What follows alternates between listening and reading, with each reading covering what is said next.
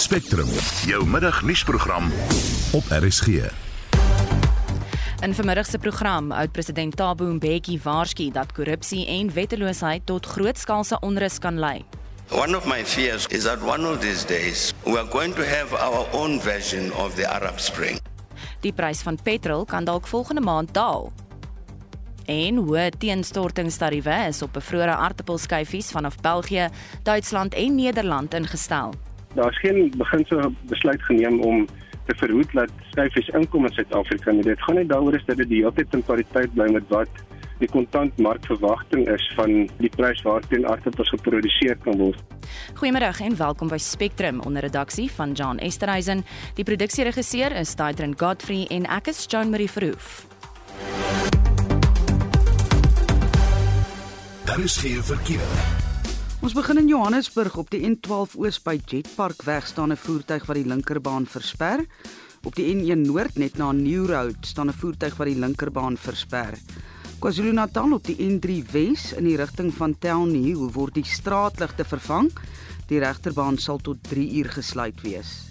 Dan herinner ek julle daar was vroeër vandag weer diensleweringsbetogings op die R335 Adopad. Dit is in die omgewing van Motherwell in Kebega. Wees maar waaksaam as jy in die omgewing is. Indien jou iets afkom, stuur 'n SMS na 45889 en begin die boodskap met die woord verkeer.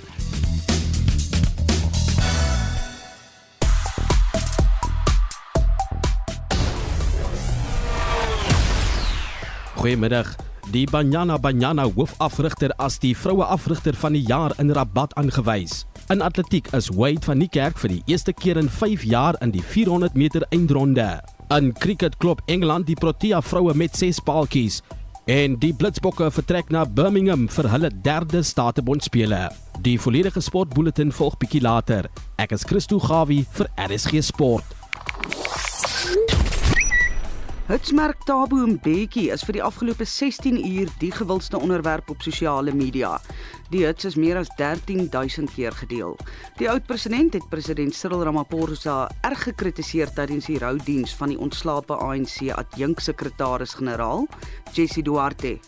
Gebruikers sê dit is tyd dat die ANC erken dat hy sy stigterslede en landsburgers gefaal het. Nou ons brandpunt vraag handel oor die verhoging in die rentekoers en hoe dit jou sak raak. Is dit die strooitjie wat jou kameel se rug breek of het jy nog 'n geldbuffer? Stuur 'n SMS na 45889 teen R1.50 per boodskap of praat saam op die Monitor en Spectrum Facebookblad. Jy luister na Spectrum op RSG. Dis nou 12 minute na 6. Welkom by Spectrum. Ek bedoel 6 minute na 12 en jy luister na Spectrum. Die Beheerraad vir Gesondheidsprodukte, SAPRA, se ondersoek beweringe deur die minister van Toerisme, Lindiwe Sisulu, dat sy medisyne vir die ontslape ANC adjunksekretaris-generaal Jesse Duarte in Rusland gekry het.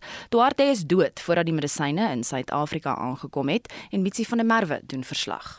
SAPRA is in gesprek met minister Sisulu se kantoor.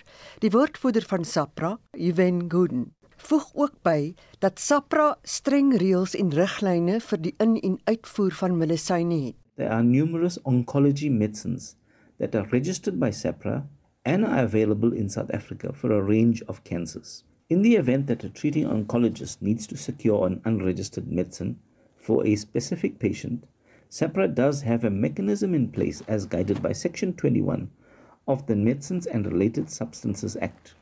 In terme van afdeling 21 van die Medisynewet kan ongeregistreerde medisyne met die naam van die pasiënt onder uitsonderlike omstandighede verkry word. SAPRA may in writing authorize any person to import and sell during a specified period to any specified person or institution a specified quantity of any particular medicine which is not registered. This permission is subject to confirmation from a medical professional that the product is needed and that no similar product is available in the country. SAPRA will evaluate the requests and may grant an authorization which will be issued by the CEO in the prescribed manner. Die wet skryf voor Only a South African registered company that is licensed by SAPRA can import medicines registered by SAPRA into South Africa. In the event that a medicine that is not registered in South Africa is to be accessed, The guideline on importing and exporting of medicine states explicitly no person shall order any medicine from abroad for personal use unless SAPRA has granted the said person an authorization in terms of Section 21 of the Medicines Act. En die voorskrif op SAPRA se webwerf is ook duidelik. All medicines would be available in South Africa and must either be registered by SAPRA or have a Section 21 authorization. Dit was die woordvoerder van SAPRA, Juwen Gooden. Mitsi van der Merwe, SAK nuus. Intussen is die amptelike gedenkdiens vir Jessie Duarte deur honderde mense in Johannesburg stadsaal bygewoon. Duarte is Sondag dood na 'n stryd teen kanker. Marlies Skeepers berig die ANC adjunkpresident David Mabuza het Duarte geloof vir haar rol in Suid-Afrika se bevrydingsstryd en ook in die talle hoedanighede waar sy die land en haar party verteenwoordig het. At every level of the African National Congress and in the lives of countless of South Africans who were looking upon her for guidance, for solutions in these difficult and complex times. She consistently had the appropriate weights and attitudes when addressing issues inside our movement and in society as a whole. Die voormalige president Thabo Mbeki sê dat die ANC korrupsie en selfverryking moet uitroei. Duarte het nie daarvoor geveg nie. Mbeki sê hy vrees korrupsie kan lei tot Suid-Afrika se eie Arabiese lente. There is no national plan to address these challenges of poverty, unemployment, inequality. It doesn't exist. We must address local government. You see know all of these reports from the Auditor General that always come out and point a figure at the councils, particularly which are led by the ANC. What message are we communicating to these masses? One of my fears is that one of these days we are going to have our own version of the Arab Spring. Die sameroeper van die ANC Vroue Liga taakspan, Baleke Mbete, vra dat vroue in die top 6 van die party se leierskap ingesluit word. Mbete sê ter wille van Duarte se nalatenskap, wat die enigste vrou was wat by die ANC se laaste konferensie verkies is, moet die party sy 50-50 beleid implementeer. So I stand here representing our women and so have a responsibility to convey to us something which preoccupied our DSG even as she lay in hospital that the correct interpretation of our 50-50 commitments on women should be realized in the December conference. We believe, comrades, that a deliberate discussion must be agreed upon, structured, and must enable us to have an engagement ensue in the relevant forum to ensure, in the name of Jesse, this time the ANC implements its stated policy. Dit was die stem van Baleka Mbete wat die verslag afsluit en dit is saamgestel deur Zoleka Kwadashe. Werkloosheid, armoede, korrupsie en wetteloosheid gaan die woede binne Suid-Afrikaners ontketen en kan lei tot grootskaalse onrus en teenregeringsbetogings soortgelyk aan die Arabiese lente in 2010. Dit was die waarskuwing van oud-president Thabo Mbeki tydens die gedenkdiens vir die ANC se adjunksekretaris-generaal Jesse Duarte. Vir meer hieroor praat ons nou met professor Pieter Dievenage, hy is die dekaan aan die departement Geesteswetenskappe by Akademia. Goeiemôre Pieter. Goeiemôre Jamie. Pieter, kom ons begin met die konteks. Wie en wat is Tabo Mbeki en is sy erflating deel van die probleem eerder as die oplossing? Ja, dis 'n baie belangrike vraag daarin want kyk Tabo Mbeki uh, is iemand wat uh, eers visiepresident was onder uh, president Mandela en toe was hy president, jy weet hier van 19 99 tot ek dink hier 2008 as ek nie uh, verkeerd is, en min of meer daardie jare. Nou die eintlike ding is hy het 'n baie belangrike toespraak gister gelewer, nê, en hy het gewys op die probleem van werkloosheid, armoede, korrupsie en wetteloosheid wat na woede kan lei wat soortgelyk is, jy weet, soos die Arabiese lente van 2010. En hy's korrek daar. Dit is die kom ons noem dit dis 'n diagnose wat hy maak, nê, vir sy oud president Mbeki en hy doen dit in styl. Ons het ook nou geluister hoe hy retories eintlik baie goed is.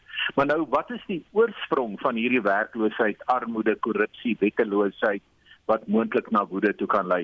En ek wil sê hy was betrokke by die oorsprong uh hiervan ehm um, jy weet uh kom ek noem 'n paar dinge wat eintlik president Mbeki ook tot verantwoording geroep moet word. En ek wil nou nie te hard op hom wees nie, maar jy weet ek dink is ook belangrik ter wille van uh, historiese konteks.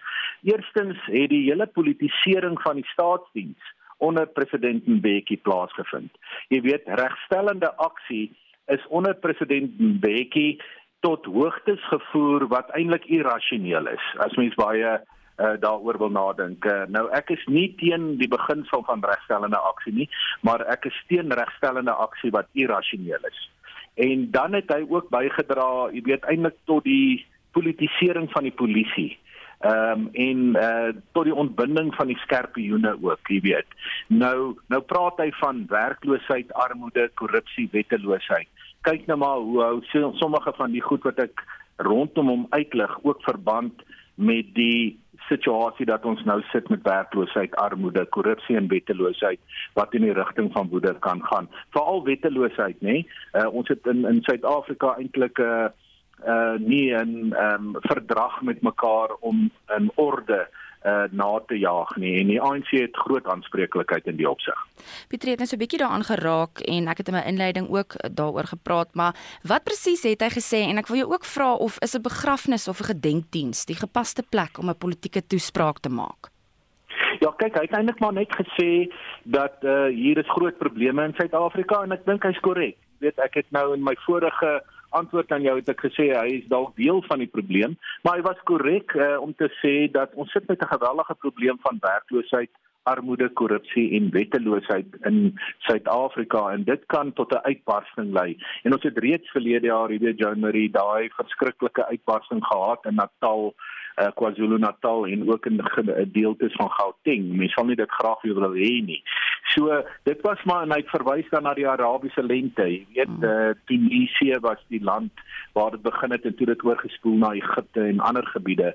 Uh, jy weet Libië en ons weet wat by Libië gebeur het. So ek dink mense moet president Mbeki baie ernstig opneem um, en hy het dit gelewe natuurlik by begrafnis. Ek dink dit was jou ander vraag. Ja, of of dit 'n gepaste plek is om so 'n toespraak te maak.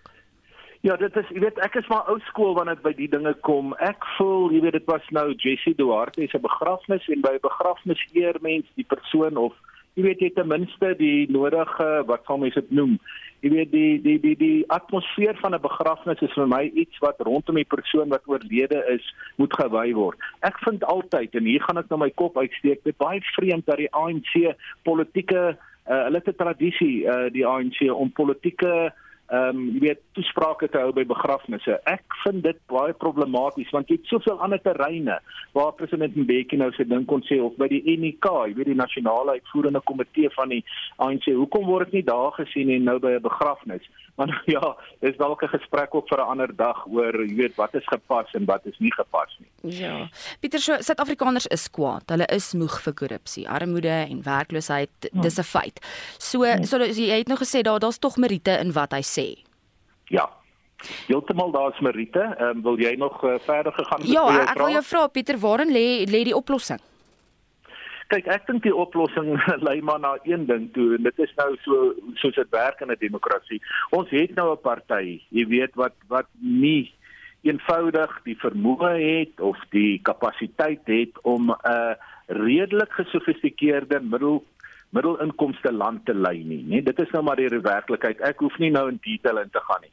En weet jy, ek dink nogal dit is baie interessant dat beide president Ramaphosa maar ook oud president Mbeki begin al hoe meer sien dat die ANC gaan nie die oplossing wees nie. Dis 'n dis 'n baie harde ding om te sê. Ek dink ook nie hulle twee sal dit in openbaar sê nie. Maar ons moet eintlik nou ons hoop op 2024 stel as Suid-Afrikaners. Dat daar 'n tipe koalisie kan na vore tree. Jy weet dat die ANC afglip hier in die rigting van 40% en dat daar 'n tipe koalisie kan na vore tree wat uh, kan tree wat werklik fokus op die uitdagings van die wonderlike land wat Suid-Afrika kan wees. Jy weet en ons kort 'n professionele regering, 'n professionele staatsdiens wat kan fokus op werk, energie, veiligheid en gesondheid. Jy weet al die belangrike goed van 'n moderne staat en ons kan eintlik nie meer die ANC eh, jy weet ons moet hulle nou nog verduur tot in in baie opsigte tot die verkiesing in 2024, maar verder is 2024 sal vir Suid-Afrika nie 'n goeie ding wees as die ANC in in, in wag kan bly nie. Baie dankie. Dit was professor Pieter Dievenage, uh, hy is die dekaan aan die departement Geesteswetenskappe by Akademia. As jy pas ingeskakel het, jy luister na Spectrum op RSG. Brandstofpryse het oor die afgelope 2 jaar met sowat 25% gestyg en in Julie het die petrolprys 'n rekordhoogte van R26.74 bereik. Daar is egter hoop vir effense verligting by die petrolpompe volgende maand en ons praat nou hieroor met Dr. Chris Harmse, die hoofekonoom van CH Economics. Middag Chris. Goeiemôre. Wat uh, wat die brandstofpryse vir Augustus betref, wat is jou verwagting? Nou as mens net kyk na die uh, sentrale energiefonds, hulle uh, berekeninge uh, sedert die vorige verhoging wat jy reg gesê het dat so redelik baie sterk was in die begin van Julie. Uh tot en met uh gister lyk dit vir my of ons so oorverhaal is hierdie keer met uh 165 sent of 165 op petrol 95 en op diesel ongeveer so 129. So dit beteken anderswoorde ons kan verwag redelike sterk daling in die petrolprys in die begin van Augustus. Uh en dit hang natuurlik nou af. Ons moet natuurlik nou daar gaan aftrek die subsidie wat die staat uh vir 'n maand gaan gegee het, klink die 75 sent. Ja. Uh as hulle dit nou gaan terugvat, terugverhaal. Dis die dis die ander vraag, né? Met ander woorde, gaan hulle die pryse wat hy nou is wat eintlik 75 sent laer is, uh gaan hulle dit terugverhaal. Luisteraars moet ek onthou ons het 'n redelike sterk subsidie gekry van uh ek dink een op op een stadium R2 en toe R1 en ietsie 70 sent uh wat die petrolpryse nog baie hoër gaan maak. Uh so die groot vraag is uh as ons nou skielik uh R1.65 tot R1.70 gaan minder betaal, gaan hy alles aan die verbruiker deurgee of gaan die staat daai geld wat hy aan ons in aanhalingstekens geleen het uit sy begroting 'n bietjie gaan terugvat? Of gaan ons 'n kombinasie van die twee sien. Maar hoe dit ook al sê, dis goeie nuus. Die hoofrede daarvoor is dat ons kan ons nou sien dat uh, in Julie maand uh ekskuus in in Junie maand was die gemiddelde uh olieprys ongeveer so 117 na 120 dollar per vat. Uh heidaglik uh sien ons hy, hy neig om onder 100 dollar in te beweeg. Hy was al uh een of twee keer in hierdie maand. Uh hy verhandel vandag byvoorbeeld op 103 dollar. Met ander woorde die gemiddeld is waarskynlik so 15 dollar vat minder as 'n maand gelede en daarom is die beweging in die internasionale pryse se 264 sent net dood eenvoudig uh wat ons minder wat gaan betaal as gevolg van die laer olieprys maar nou die rand wat ons weet wat natuurlik nou bo 17 rand verhandel uh, gister so swak as R17.23 op 'n stadium gisteroggend. Uh is dra weer so 'n ramp by. Ja. Uh dat ons weet dat dit natuurlik 'n uh, uh, oorverhaal is. As jy onderverhaal is, so die gevolg is so R1.65. Ja, Chris, ek wil nou die fokus bietjie verskuif na die rentekoersverhoging. Uh, sommige mense reken Suid-Afrikaners gaan baie swaar trek. Wat wat is jou mening en ek wil jou ook vra hoe die markte gereageer het op die verhoging? Ja, kyk ons moet die twee, ons moet die twee ons moet die twee uitmekaar uittrek. Uh, kom ons kom eers kom ons kom, kom ons kyk kom ons gaan eers na die verbruiker toe. Uh die verbruiker wat onder skuld leef uh natuurlik gaan swaarder trek. Uh huisverbande, uh kredietkaartskuld, uh, huurkoopskuld, uh, enige skuld wat jy het, uh betaal jy nou al in die na die 4 vier verhogings ongeveer so amper 3% meer as wat jy betaal het. So jou jou prima koers het hier van ongeveer so net onder die 7% tot tot 9% gestyg uh dis in die negatiewe kant. Die positiewe kant natuurlik is mense wat spaar, veral ouer mense wat nie risikobeleggings kan uitneem nie. Met ander woorde, hy kan nie uh baie in sy beleggingspakket kan hy aandele gebruik nie. Hy is maar aangewese op geldmarkinstrumente en staatseffekte. Um dit natuurlik gaan 'n baie hoër opbrengs vir hulle lewer. Uh so dis weer die ander kant van die saak. Mense wat spaar. Um en en en, en dit is soos dit sien. Mense wat skuld gaan sukkel, mense wat spaar gaan verbeter. Dan natuurlik hoe die markte gereageer. Die markte het gereageer kan ek so sê teksboekstyl. Die oomblik as jy rente, oomblik as jy rentekoers verhoog, kry jy gewoonlik buitelandse geld wat na jou land toe vloei. Uh want jy kan relatief in Suid-Afrika 'n hoër rente verdien as in die res van die wêreld. So twee goed gebeur dan. Buitelanders kom belê in Suid-Afrika in ons aandele en hulle kom belê in ons staatseffekte en hulle kom koop die rand. En daarom het ons gesien dat die rand het van meer as 30 sent verbeter sedert die aankondiging. Met die aankondiging was ons so op so R16 uh 324 ons verhandel op die oomblik so teen R16.96. So dit is 'n redelike sterk verbetering in die rand uh sedert net voor die aankondiging gister. Aan die ander kant as ons na die aandelemark kyk, gister en vandag baie sterk verbetering. Uh die algemene indeks vandag 0.66% op en natuurlik ons sal sien veral ehm um, die overall indeks het ook 'n bietjie verbeter het. Uh die goud verhoogde goudprys uh en platinumprys help ons ook, maar definitief het markte verbeter sedert die die aankondiging. As ons veral na die finansiële indeks kyk, uh wat natuurlik 'n binnelandse indeks is, uh het die het die verhoging in die rentekoers definitief geld na Suid-Afrika laat vloei en daarom sien ons die kapitaalmarkkoerse het ook gedaal. Met ander woorde kapitaalmarkkoerse, die koers daal styg die prys. Uh hulle het also met 1% verbeter sedert die aankondiging en dis die eintlike ding wat ons dophou. So gewoonlik dis wat gebeur as lande hulle rentekoers verhoog, verstewig hulle geldeenheid invloed uit die buiteland en die president van die Reservebank hoop dat hy met hierdie sterker rand ook 'n bydrae gaan hê dat die petrolprys verder daal, dat voedselpryse in randterme laer gaan word, dat hy die inflasie kan omkeer en dat hy uh so met die verloop van tyd weer rentekoers kan verlaag. Ek dink dit is sy strategie. Nou ja, ons kan maar net hoop vir die beste. Baie dankie Chris, dit was Dr. Chris Harmse, die hoofekonoom van CH Economics. Die Universiteit Stellenbosch het 'n student wat beskuldig is van rasisme nadat hy op die besittings van 'n swart student geurineer het, permanent geskort. Die universiteit se sentrale tugkomitee het die student teens de Toy skuldig bevind nadat hy by Babalo Ndwanyama se kamer ingestorm het en op sy besittings geurineer het. Die komitee het tot die slotsom gekom dat de Toy met onmiddellike ingang geskort word. Annelien Moses doen verslag. Ndwayama se pa Mkuseli Kaduka het die uitslag verwelkom. Kaduka sê hulle wil ook toesien dat die twee strafregtelik vervolg word. So we opened the criminal case immediately after the incident and we're hoping that this judgment will give momentum and impetus to the criminal case now. Die Universiteit Stellenbosch se fisiekanselier vir leer en onderrig, professor Deresh Ramjuganat, sê al die nodige prosesse is gevolg.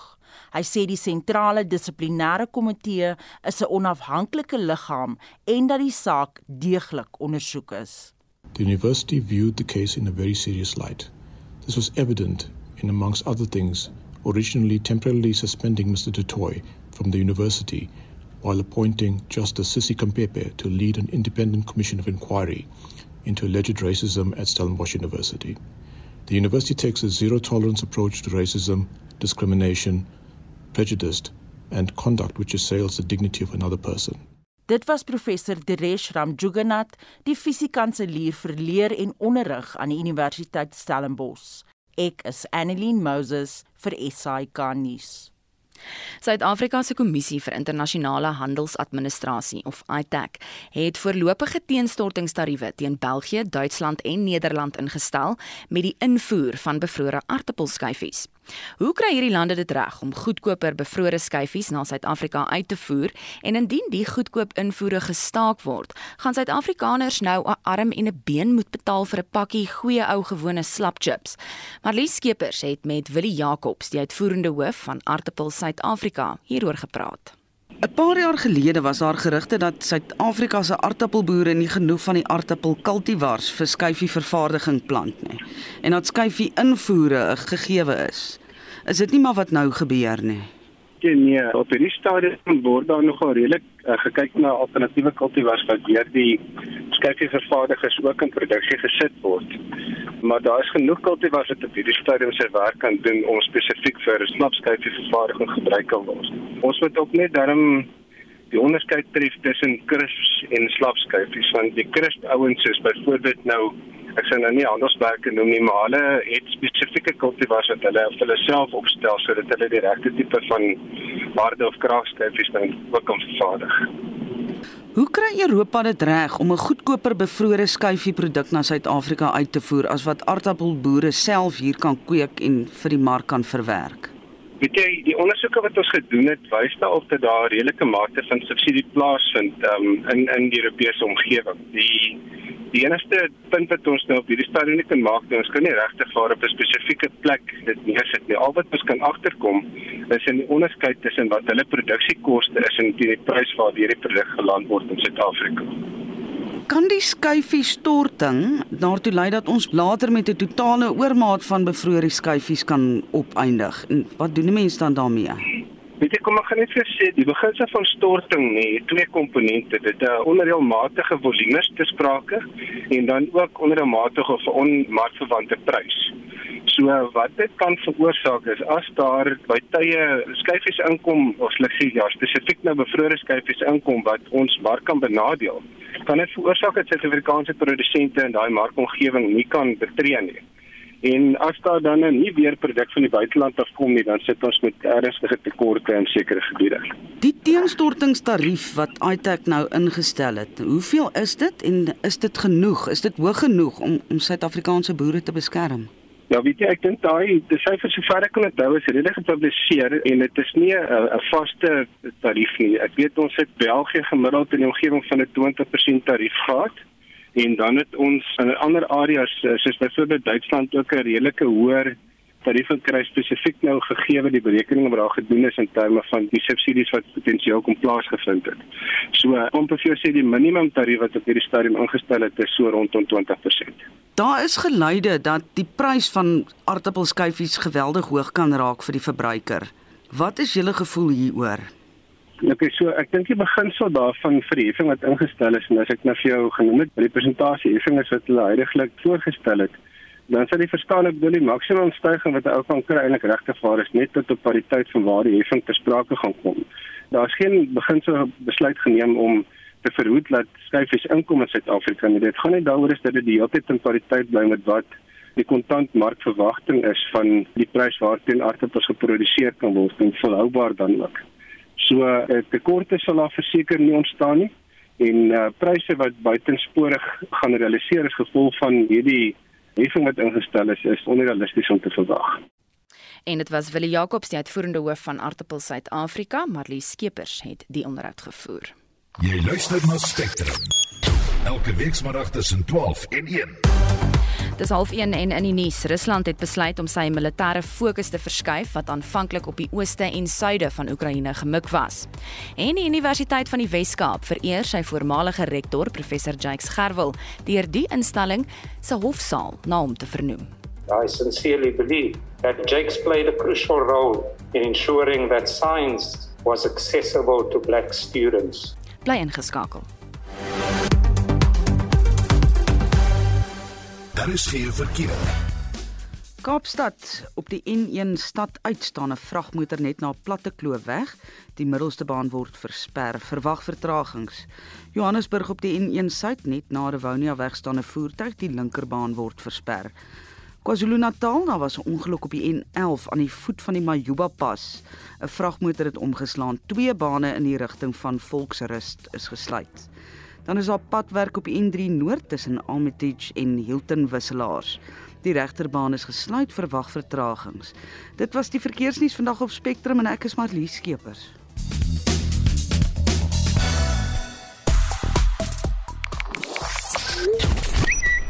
Hitsmerk Tabo Mbeki is steeds die gewildste onderwerp. Gebruik gebruikers kan skynbaar nie genoeg kry om ook hul stywer in die armbeurs te gooi nie. Een van die talle gebruikers sê dit is nou duidelik dat die regering geen idee het hoe om werkloosheid en armoede aan te spreek nie. 'n Koalisieregering wag in 2024 sonder die ANC. Nou ja, ons vir vandag by jou weet hoe die rentekoersverhoging jou sak raak en of die reuse verhoging toelaat dat jy enigstens nog 'n bietjie van 'n geldbuffer het. Op die SMS-lyn skryf Christa, ons het geen plan B nie. Spaargeld vir nood is lankal gebruik. Dis nou dag vir dag oorleef. Cecilia Ferreira skryf die rentekoersverhoging help my 'n bietjie, maar kospryse aan die ander kant vat weer terug. Op Facebook skryf François Legrandsie, ek het 'n nuwe huis gekoop in Desember. Ons verband is met R3000 op in die afgelope 7 maande. Ons 2 jaar plan is oornag by die deur uit. En dan Emil wat skryf, ek het 10 jaar terug baie meer geld gemaak. Trouwens, ek kon koop wat ek wou en 3 keer per maand om en deur die Kaap ry. Nou ry ek nêrens en ek vergelyk elke prys voor ek koop. Ja, jy kan vandag nog steeds 'n bietjie saamgesels, gaan uh, besoek ons Monitor en Spectrum Facebookblad. Die vraag is daar geplaas en los asseblief jou mening. Tyd vir die sportnuus. Hier is Christo Gawie. Goeiemiddag. Ons begin vandag se sport met sokkernuus. Die hoofafrigter van Banyana Banyana, Desri Ellis, is by vanjaar se Kosasa toekenninge in Rabat in Marokko aangewys as die vroue afrigter van die jaar. Dit is die derde agtereenvolgende keer dat sy die toekenning inpalm. Banyana het onder haar leiding deurgedring tot die eindronde van die vroue Afrika Nasies beker toernooi. Hulle kom môre aan teen die gasheer Marokko te staan. Banyana Banyana het ook vir die 2023 vroue wêreldbeker gekwalifiseer. En nou atletiek. Die Jamaikaan Sharika Jackson het by die wêreldkampioenskapsbyeenkoms in Amerika die vinnigste lewende vrou oor 200 meter in die wêreld geword. Sy die wêreldtitel ingepalm in 21,45 sekondes. Dit is 'n soete oorwinning vir Jackson nadat sy in die Tokio Olimpiese spele in die uitdinne uitgesak het. Die 28-jarige atleet het verlede naweek 'n silwer medalje in die 100 meter gewen. Intussen is alle oë op die Suid-Afrikaner Wade van Niekerk wat vroegmôre oggend in die eindronde van die 400 meter meeding. In die mans 200 meter finaal is Amerika se Noah Lyles eerste met 19,31 sekondes. Sy landgenoot Kenneth Bednarek tweede met 19,77 sekondes. Suid-Afrika se Lutolo Adams het klaargemaak in 20,47 sekondes in agste plek. In die vroue 800 meter uitdinne was Prudence Sekodiso vierde met 1,58. In cricketnuus was Laura Wolfhard en Ayabonga Kaka gister die enigste lig in die tonnel in die Protea vroue cricketspan se nederlaag teen Engeland in die eerste T20 wedstryd teen Engeland. Engeland het blitsvinnig met 6 paaltjies gewen. Hulle het juis die lood gewen en Suid-Afrika ingestuur om eerste te kolf. Die Proteas kon slegs 111 vir 9 in 20 bilbeerte aanteken. Engeland met 114 vir 4 het die wenlopies van die laaste bal van die 15de bilbeert aangeteken. Die Proteas staan sonder Marizaan Kap terwyl die tweede T20 wedstryd môre beslis word. En SA Rugby het Siviwe Soizwapi as die Blitsbok kaptein vir die Statebond spele in Brittanje aangewys en as 'n Sipo Plaatjies as die kaptein van die vrouespan. Albei spanne vertrek môre na Birmingham in Engeland. Die manspan bestaan hoofsaaklik uit nuwelinge en slegs Soizwapi en Zayn Davids het voorheen aan die spele deelgeneem. Dit is die afrigter Neil Powell se derde Statebond spele. Die Blitsbokke het in 2014 goud gewen en brons in 2002 en 2010. Suid-Afrika saam met Maleisië, Tonga en Skotland in Groep B en sal hulle eerste wedstryde volgende Vrydag, die 29ste Julie speel. Die vroue sewe span bevat 6 nuwe spelers terwyl dit die kaptein Asisipo Plaatjies se eerste Statebondspele is. En dis die sportnuus vir vanmiddag. En dit was Christo Gawie van RSG Sport. RSG brandpunt. Hoe lank gaan rentekoerse nog styg? Ten minste tot volgende jaar. Yesterday was the busiest day for the fire service in London since the Second World War. So daar's geen voorbeeld in die historiese rekord van 'n hittegolf van hierdie intensiteit. En dit is waarvoor ons ook moet beplan in Suid-Afrika. Die krisis van nou van so aard dat ons dink die regering het ook nie meer 'n keuse nie. Brandpunt. Skakel laatmiddag in op Brandpunt vir 'n blits nuusopsomming van kwart voor 6 tot 6 net hier op RSG. Spectrum, jou middagnuusprogram op RSG. Nou ja, as jy pas by ons ingeskakel het, baie welkom. Die Russiese minister van buitelandse sake, Sergey Lavrov, sê Rusland verskuif nou sy militêre fokus wat aanvanklik op die ooste en suide van Oekraïne gemik was. Dit nadat sy magte nie in staat was om die hoofstad Kiev oor te neem nie. Lavrov sê die fokus verskuif omdat die weste Oekraïne van langafstand wapentuig voorsien. Vir meer hieroor praat ons nou met professor Abel Esterhuise van die fakulteit Krygskunde aan die Universiteit Stellenbosch. Middag Abel. Goeiemôre Jean-Marie. Wat beteken die aankondiging van Lavrov? Ja, ek ek dink dis maar waarmee Rusland mee worstel, dis maar 'n refleksie van die problematiek wat hulle in die gesig staar. Hulle het nou al geruime tyd uh wat hulle op operasionele vlak uh 'n sogenaamde operasionele pause aangekondig het. Uh Ehm um, nou daardie operasionele pause is op hulle afgeforseer. Dis nie asof hulle uit eie beplanning uit uh, die operasionele pause geneem het nie. Uh hulle is dood eenvoudig uit uitrusting en personeel uitgehardloop en hulle het nie meer ehm um, die broodnodige ehm uh, voorrade om die die oorlog te veg wat hulle wil veg nie. Ehm um, so Rusland is besig met 'n baie interessante strategie wat hulle nou geskuif het meer na die diplomatieke vlak toe dink ek en enerzijds uh om uitrusting te probeer bekom van uh meisondstate soos Iran. Um en anderzijds om te kyk of hulle op 'n moontlike uh, moontlike manier vrede kan bewerkstellig uh met met die Oekraïne en kapitaliseer op die die grondgebied wat hulle reeds ingeneem het. Abel, so hoe lyk dinge op die slagveld? Is Rusland in die moeilikheid?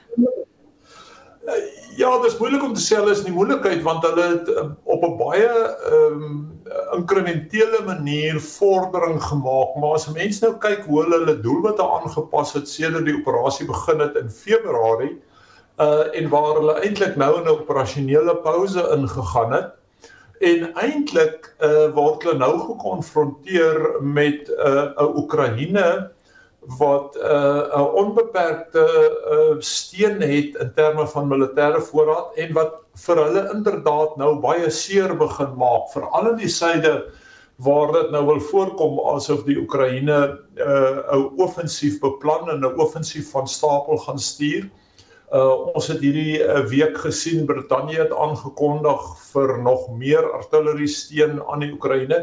So die Oekraïne maak hulle nou reg vir 'n teenaanval. Ehm um, en ehm um, ek is nie seker of Rusland regtig nog oor die vermoë beskik om ehm um, daardie teenaanval te kan te kan teenstaan nie. Een van die goed wat baie onseker is en wat half in die lug hang is die mate waartoe die Russe nog die oor die industriële kapasiteit beskik om hulle uitrusting aan te vul. Uh dit is iets wat baie min westerse ehm um, kommentators uh, oor uh in diepte kennis het. Uh ons spekuleer baie daaroor, maar ons weet eintlik nie. Die Donbas streek, uh was dit oorspronklik in Rusland se vizier soos wat die land nou beweer? Ja, ek ek dink dit was maar die die groot deel mense moet verstaan dis dis die ekonomiese hartland tot 'n groot mate toe van die Oekraïne en ehm um, Rusland gaan die Oekraïne baie seer maak as hulle die Donbas streek inneem. En die twee provinsies wat hulle nou geneem ingeneem het en en wat hulle nou beheer, uh gee vir hulle tot 'n groot mate te beheer oor die Donbas streek. Ehm um, maar ek twyfel of die Oekraïne dit gaan aanvaar. Ek twyfel of die westerse NAVO bondgenote dit sal aanvaar. Ehm um, ek dink uh, Rusland en Putin veral word gekonfronteer nou met ehm uh, met 'n baie interessante strategiese probleem. Ehm um, en dis interessant hoe hulle dit dit speel. Hulle wil hulle self nou dink ek in 'n posisie plaas waar hulle die die sogenaamde good guys is wat wat soek na vrede en veiligheid en en wat die oorlog wil beëindig en hulle gaan die Oekraïne waarskynlik nou voorhou as synde hulle die die die bad guys is as ek dit nou so kan uitdruk uh wat nie wat nie nou die oorlog wil beëindig nie. Ehm um, so uh, ek dink hier gaan 'n interessante strategiese spanning ontvou ook in 'n NAVO want NAVO gaan nie weet nie En natuurlik die la, die laaste belangrike punt wat mense onthou is Rusland sit en wag vir moeder winter om in te skop. Uh die winter het tog altyd vir Rusland strategies gehelp. Uh dit het met die Napoleontiese inval uh, vir Rusland gehelp, dit het met die ehm uh, Duitse inval Rusland gehelp en uh Europa uh, gaan in die winter baie afhanklik wees van Rusland se se se hulpbronne. Uh en Rusland sit en wag om die krane toe toe te draai op Wes-Europa. En 'n mens weet nie of Wes-Europa die deursettingsvermoë het. Uh, hulle bevolkings op op lae en voetsoolvlak die die die die deursettingsvermoë het om om deur die winter te kom sonder Rusland se voorrade nie. Abel is die uiteindelike doel om dele van Oekraïne te te annekteer. Dis moeilik om te sê. Ek ek dit wat ons tot nou toe gehad uh, gesien het van Rusland is daar wat my aanbetref geen twyfel dat Rusland uh, ten doel het om 'n uh, groot dele van Oekraïne te, te annekteer nie. Ehm uh, tevens 'n uh, mens sou kon argumenteer dat met die aanvanklike inval in Februarie was hulle doel waarskynlik om totaal en al van Oekraïne as staat ontslae te raak en dit deel te maak van die Sowjetunie ag van Rusland. Ehm um, maar ek dink hulle het aangepas en hulle gaan waarskynlik nou tevrede wees as hulle die grondgebied wat hulle tot nou toe ingepalm het ehm um, weet net beheer kan kan oorbehou en en deel maak van Rusland. Baie dankie. Ons het gepraat met professor Abel Esterhuise van die fakulteit Krygskunde aan die Universiteit Stellenbosch. Luister môre middag tussen 12 en 1 na Naweek Aktueel vir 'n onderhoud met die Oekraïense ambassadeur Lubov Abravitova. Terug op eie bodem, die Universiteit van die Wes-Kaap het hulde gebring aan sy voormalige rektor en anti-apartheidsaktivis professor Jakes Gerwel. Dit deur die UWK se hoofsaal na hom te vernoem. Die fisiekanselier professor Tyrone Pretorius het Gerwel geloof as 'n vryheidsvegter wat nie geskroom het om vir 'n demokratiese Suid-Afrika te veg nie. Pretorius het hom ook geprys dat hy die universiteit in 'n sentrum van uitnemendheid ontskep het. Annelien Moses berig. Gerwel was die direkteur-generaal in die kantoor van die eertydse president Nelson Mandela. Hy is beskryf as 'n organiseerder wat die ingewikkelde sake van Suid-Afrika se eerste demokraties verkose president behartig het. Pretoria sê deur die saal na Gerwel te vernoem is 'n belangrike stap na erkenning. I can think of of our niche areas that were conceptualized and implemented during his time. A school of public health which is now a World Health Organization collaborating center, School of Government, the Program for Land and Agrarian Studies, and the South African National Bioinformatics Institute. I sincerely believe that Jakes played a crucial role in ensuring that science was accessible to black students. 'n Familieverteenwoordiger, Ellen Burgess, sê die familie is geëerd deur die EWK se gebaar.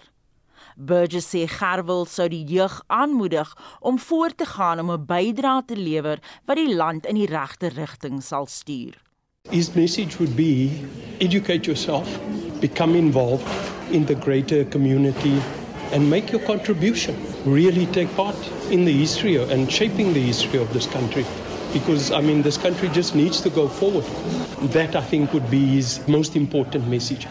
Skrywer en vriendin professor Antjie Krog het Gerwel as 'n radikale denker beskryf wat die gemeenskap se belange op die hart gedra het.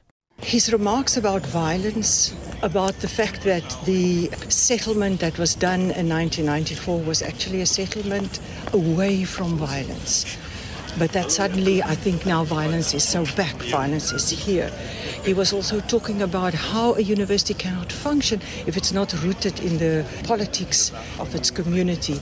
Gerwel is in 2012 oorlede in die ouderdom van 66 jaar na hartchirurgie. Die Kaapse Metro het hom reeds vereer deur een van die hoofwe na die akademikus te vernoem. Jakes Gerwel Rylaan loop deur verskillende dele van die Kaapse vlakte.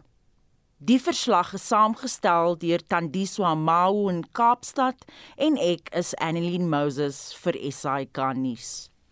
Die Suid-Afrikaanse Reserwebank gaan die regulering van kriptogeldeenhede ondersoek. 'n Vernoot by Weber Wensel, David de Villiers, sê dis hoogtyd. Dit is definitief, ek dink 'n belangrike ontwikkeling en jy's reg vir 'n hele klompie jare lank is daar al 'n vraag in die mark rondom die regulasie van kriptogeld en kriptobates. En ek dink die stellings wat die adjunkgouverneur meneer Kubenaidu onlangs by 'n PSG geleentheid gemaak het, het ons 'n goeie aanduiding gegee van waarheen die regulatoriese owerhede beweeg en in kort ek dink hulle het nou besluit dat dit hoogtyd is om die sektor van die ekonomie te reguleer. Hoekom is dit belangrik dat hierdie sektor wel gereguleer word? Ek dink vir 'n verskeidenheid van redes en ek dink om mee te begin uit die staanspoor, dink ek nie mense moet dink dat dit noodwendig 'n negatiewe persepsie is wat die regulatoriese owerhede het van die sektor wat hulle genoop het om dit te reguleer nie. Glad nie en inteendeel, ek dink die reguleerder is baie positief oor die sektor en sien baie geleentheid vir die ekonomie en ook vir bemagtiging daarin, maar Daar is 'n verskeidenheid van risikofaktore binne die kripto-ekonomie wat die reguleerder graag deur regulasie wil aanspreek. Onder andere die potensiaal dat kriptogeld en kriptobates uitgebuit kan word vir geldwasery en ook vir ander onwettige verhandelings en ek dink dit is die hoofrede hoekom die reguleerders besluit het om dit te reguleer. Wat sal die implikasies wees van byvoorbeeld regulasies dan nou uiteindelik? Dink jy dit sal byvoorbeeld die sektor inhibeer om te groei omdat mense gaan sê o oh, nee nee, ek wil nou nie meer hierso kom uh, iets met kriptogeld doen nie want hier's nou te veel regulasies. Ek persoonlik dink nie so nie. Ek dink regulasie gee 'n mate van vertroue in 'n sektor En ek dink ons het al hoe meer beweeg in 'n wêreld waar die skeiding tussen kriptobates en tradisionele finansiële bates al hoe minder raak en ek dink ons is gewoond aan 'n wêreld waar regulasie in die finansiële dienste sektor toegepas word. En ek dink enigiemand van ons sal daarvan hou as ons banke byvoorbeeld nie gereguleer word nie of as ons versekerings nie gereguleer word nie. Ek dink regulasie gee 'n mate van vertroue in 'n spesifieke bateklas En my gevoel is dat dit gaan bydra daartoe dat mense meer vertroue in die sektor gaan hê. Daar sal uit die aard van die saak kostes saam met regulasies saamgaan vir produkverskaffers ensovoorts. Maar ek dink in my mening is dit nie iets wat ongewoon is vir enigiemand wat in die finansiële dienste sektor wil 'n uh, rol speel nie.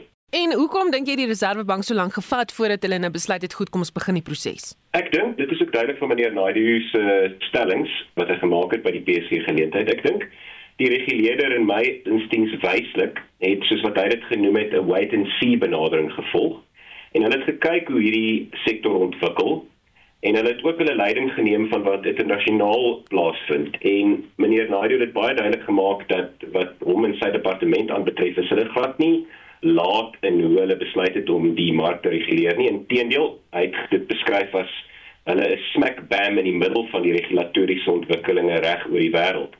En so, ek dink hulle het 'n versigtige wag en sien houding gevolg en gekyk hoe die mark ontwikkel, gekyk wat nodig is en hulle sal hulle regulatoriese raamwerk dien ooreenkomstig ontwikkel. En dit was David de Villiers, 'n vernoot van Webber Wensel, hy het met Susan Paxton gepraat. Twee verdagtes is gister in Delmas in Mpumalanga aan hegtenis geneem vir die diefstal van diesel. Boonop behoort die bakkie wat hulle gebruik het aan die polisie in Limpopo. Vincent Mofokeng het meer. 'n Polisiewoordvoerder, Brigadier Salvi Mohlala, sê die twee Zimbabwese burgers het sowat 500 liter diesel ter waarde van sowat 13800 rand vervoer. Een verdagte is ook aangekla vir die oortreding van die immigrasiewet, aangesien hy glo onwettig in die land is. The vehicle, which had the Gauteng registration number plates, looked rather strange as it appeared to be heavily loaded with something and was covered with a black canvas. The members then ordered its driver to stop, which was followed by a search. Surprisingly, when the members removed the canvas, they discovered that the back part of the buggy was in actual sense converted into a diesel tank. As a result, two men aged 29 and 34 from the country of Zimbabwe were immediately questioned in relation to the purchase of the diesel, but they both failed to produce any proof. They were then detained and are facing charges of being in possession of a suspicious stolen diesel. The 29 year old one is also facing an additional charge of contravention of the Immigration Act as he reportedly does not possess any legal document of being in South Africa. 'n Ondersoek is van stapel gestuur om te bepaal hoe die polisievoertuig in hulle besit beland het. The police have since confiscated about 500 liters of diesel to the estimated value of 13,800 rands. To make the matters worse, the members uncovered that the registration number plates displayed in the buggy were incorrect and the car was seized. In addition to that, investigation thus far revealed that In fact, the car belongs to the South African Police Service in Toando in Limpopo. The matter is still being investigated to find out how the vehicle landed in the hands of the two Zimbabwean nationals. Dit was brigadier Salvi Muhlala, die provinsiale polisie woordvoerder van Mpumalanga. Ek is Vincent Mufokeng vir SAK nuus. Ons het vroeër berig oor die voorval waar tydens 'n student van die Universiteit Stellenbosch op die besittings van 'n swart student geïroneer het en vir meer oor die en ander ontwikkelende stories sluit Annelien Moses nou by ons aan. Yamati sê die student teens te toe permanent geskort na die voorval.